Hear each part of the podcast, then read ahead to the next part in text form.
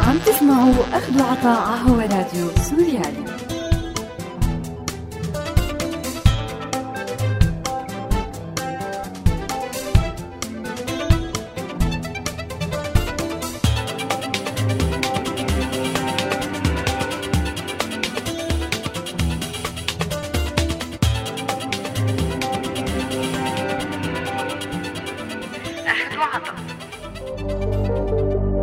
أعزائي المستمعين أهلا وسهلا فيكم.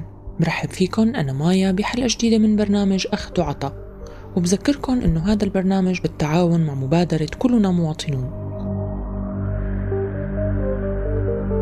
بالرغم من كون تقدم البشرية بيقوم على حالة الاختلاف بين المجموعات والأفراد الاختلاف بالعادات والتقاليد والآراء والتوجهات إلا أنه الاختلاف أدى بحالات كتير للعنف بين البشر. عنف ممكن يترجم لحروب أو لاغتيالات بطال أفراد أو جماعات وحتى دول. ومن بداية البشرية لليوم ومع تطور مفهوم السلطة ارتبطت حالات الاغتيالات الاجتماعية والسياسية بكل المراحل اللي مر فيها الإنسان حتى مع وصولنا للقرن الحادي والعشرين القرن اللي عم يشهد حرب عالمية متخفية وصراع دولي كبير قائم على العنف السياسي وإلغاء الآخر المختلف. عنف بشكل أرضية مناسبة للسلسلة من الاغتيالات السياسية وعمليات التصفية اللي غالبا ما بتنشط بالبلدان اللي بتمر بمرحلة انتقالية أو انقلابات أو ثورات أو بتكون مدبرة بأشكال عابرة للحدود وأسلحة خفية بتستعملها الدول ضد بعضها لإرضاخ بعضها على سياسات معينة مستعينة بخلايا ومنفذين من نفس البلد.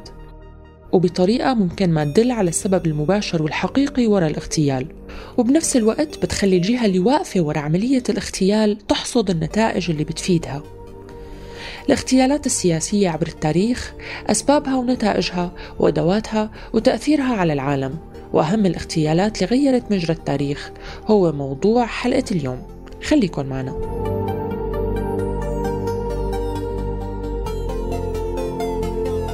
أهلا وسهلا فيكم من جديد. بداية خلونا نبلش مع هذا الاستطلاع.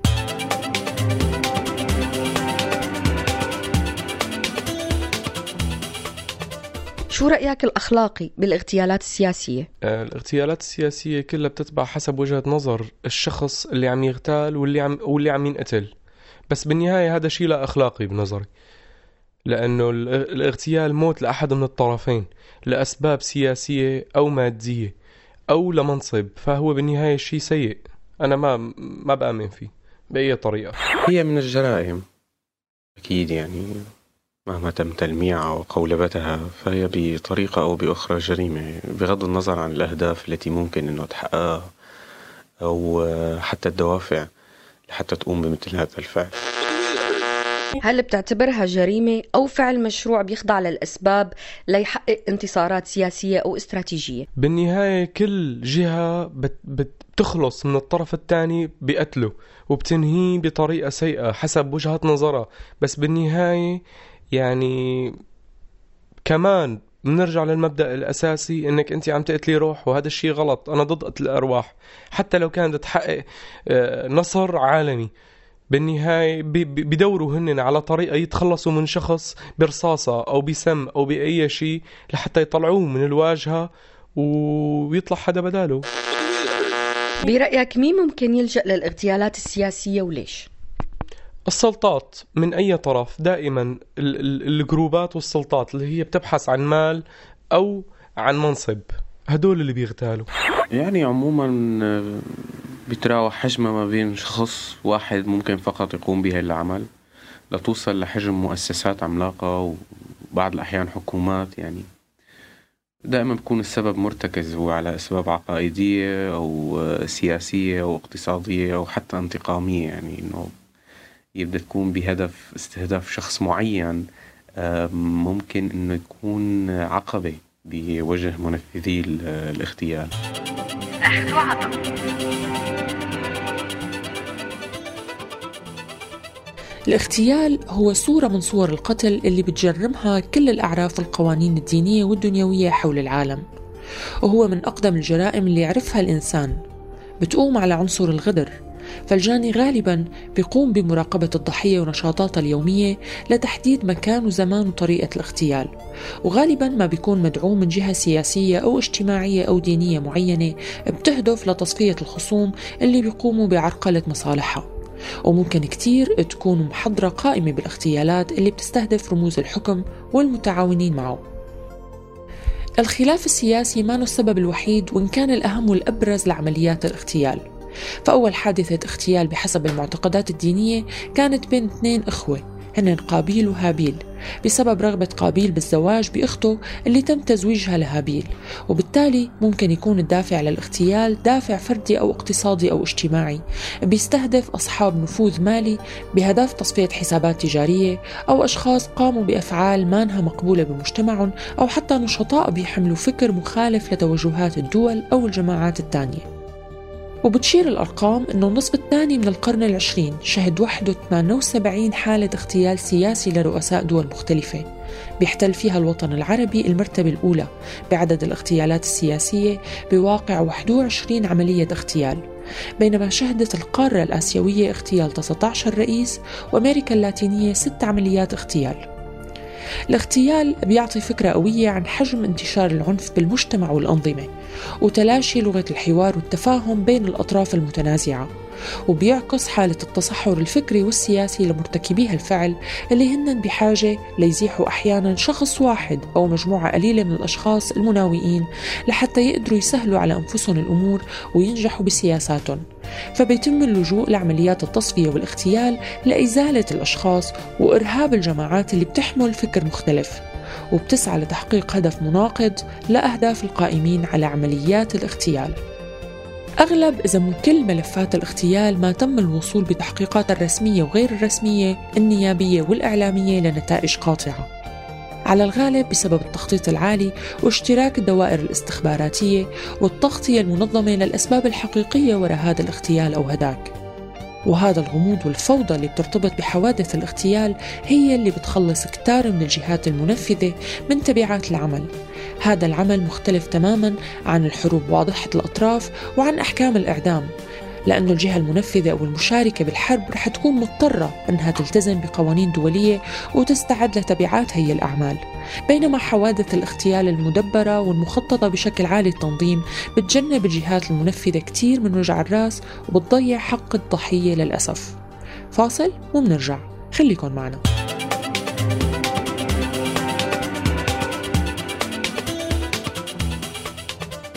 شو هي أشهر الاغتيالات السياسية اللي صارت عبر التاريخ وبتعرف عنها بسوريا أو برا سوريا؟ تاريخ سوريا بالاغتيالات تاريخ أسود. دامت الاغتيالات لمدة سنتين سنتين عم يغتالوا بعض. نحن كان عنا الرئيس يدوم في رؤساء حكمت الجمهورية العربية السورية ليومين وفي رؤساء حكمت لمدة أطول مدة شهرين يعني ستين يوم. الفكرة أنه كان ينام البني آدمين تفيق على اغتيال وعلى رئيس جديد. انقلابات وآخر شيء فيها اغتيالات. فبالنهاية تاريخ سوريا ولبنان أسود بالاغتيالات. إسرائيل اغتالت كتير بلبنان. حزب الله اغتال كتير بلبنان وبسوريا. الاغتيالات ما بتنتهى. طالما في سياسة وفي مصاري وفي نفوس دنيئة ما بتنتهى. وبرات سوريا جون كينيدي يمكن أشهر شيء اغتالوه برصاصة وفي بالبيتلز جون لينون اوصوا واحد اغتاله قدام كل الناس اللي بتحبه وقال إنه أنا بحبه بس قتلته. هذا الشيء ما ما حدا بيبرره. أنا من كثر ما بحبه قتلته. أه، اغتيال كان بلبنان خارج سوريا. أه، هو اغتيال جورج حاوي الأمين العام السابق للحزب الشيوعي. طبعا معروف دائما هو سبب اغتياله بسبب آه، سياسته المناوئة للنظام السوري ومحاربته للأطراف اللبنانية المساندة آه، لسوريا آه، محاربتهم ومقاطعتهم للانتخابات النيابية اللي حصلت.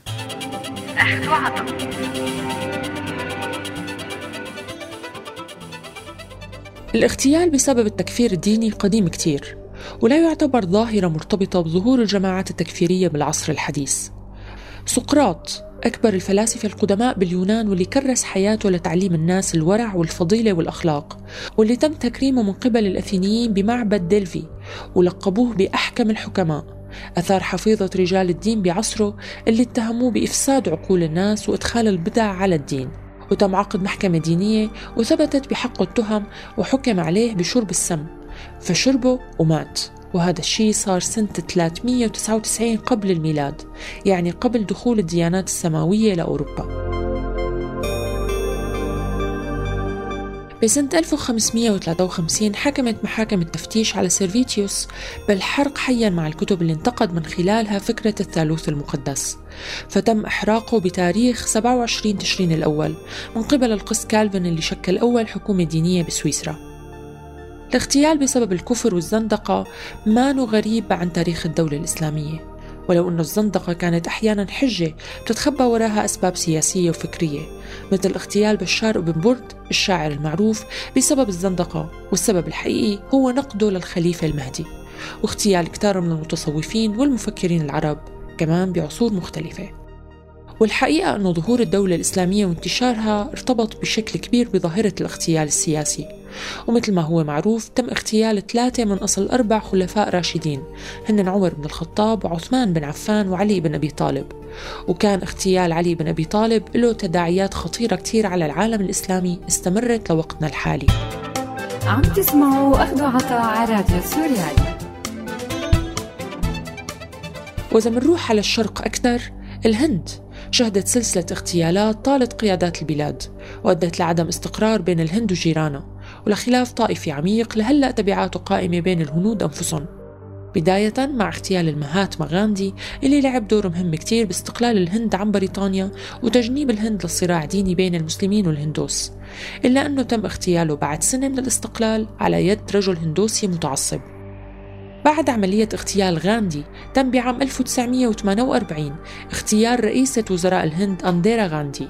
ومن بعدها ابنها راجيف غاندي على يد انتحاري بينتمي لجماعة نمور التاميل بسريلانكا اللي كانت بتهدف للاستقلال عن الهند. وكانت سريلانكا نفسها شهدت العديد من عمليات الاغتيال السياسي. أما بنغلاديش فكان لها نصيب كمان من الاغتيالات. وشهدت نيبال المدينة الموجودة بجبال الهيمالايا سنة 2001 مأساة قومية باغتيال ملكها وعشرة من الأسرة المالكة على يد ولي العهد اللي انقتل كمان بنفس الحادثة. وكان سبب الاغتيال بعيد كل البعد عن السياسة ومرتبط برفض العائلة لزواج ولي العهد من بنت كان على علاقة معها.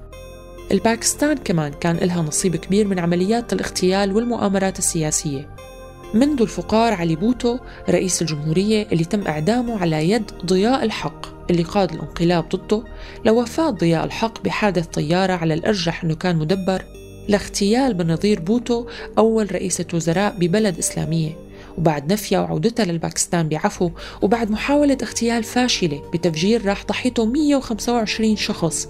في حين أنه هي نفدت منه من الموت ليتم اغتيالها بعد فترة قصيرة وقتلها بالرصاص والتفجير.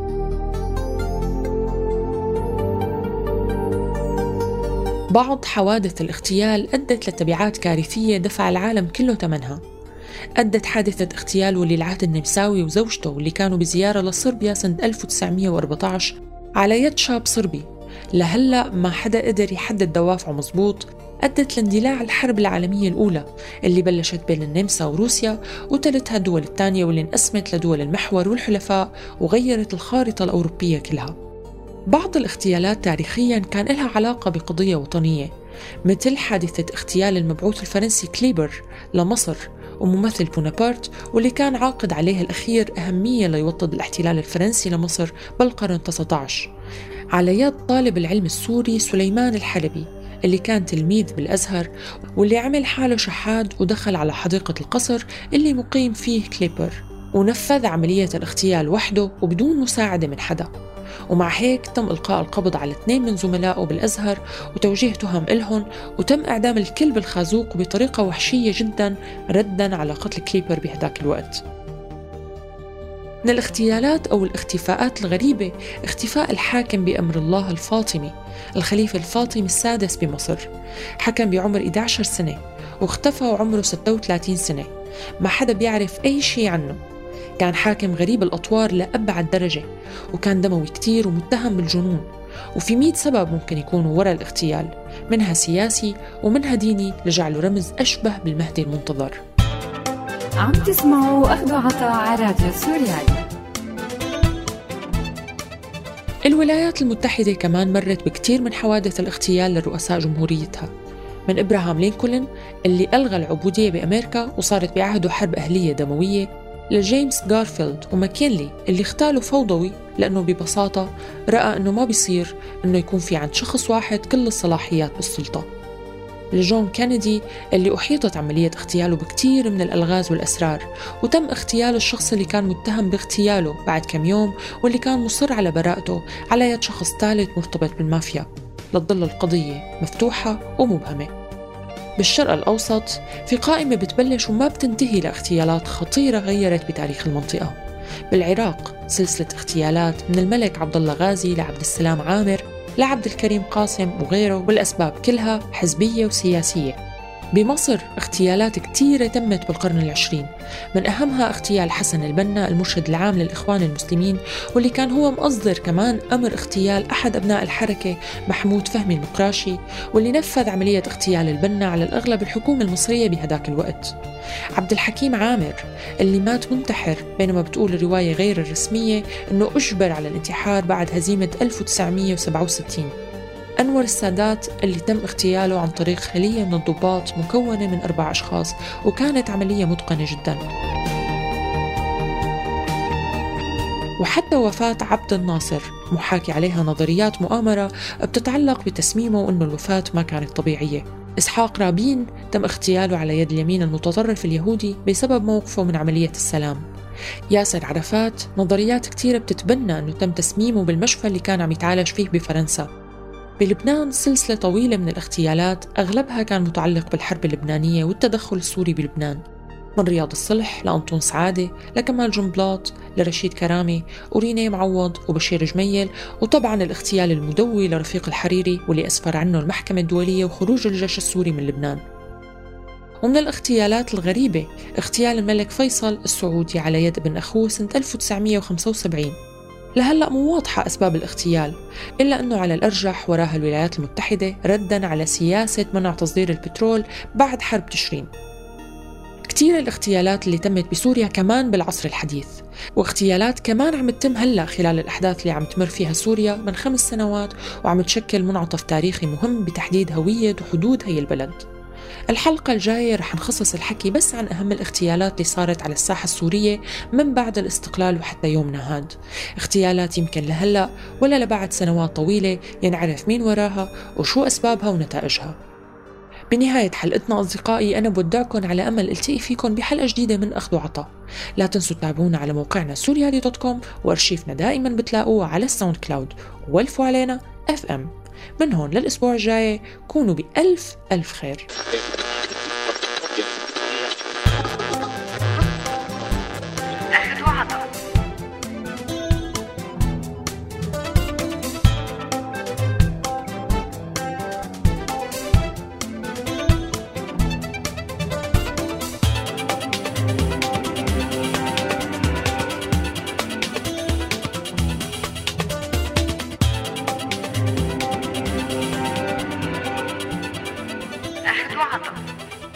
هذا البرنامج من إنتاج راديو سوريالي 2016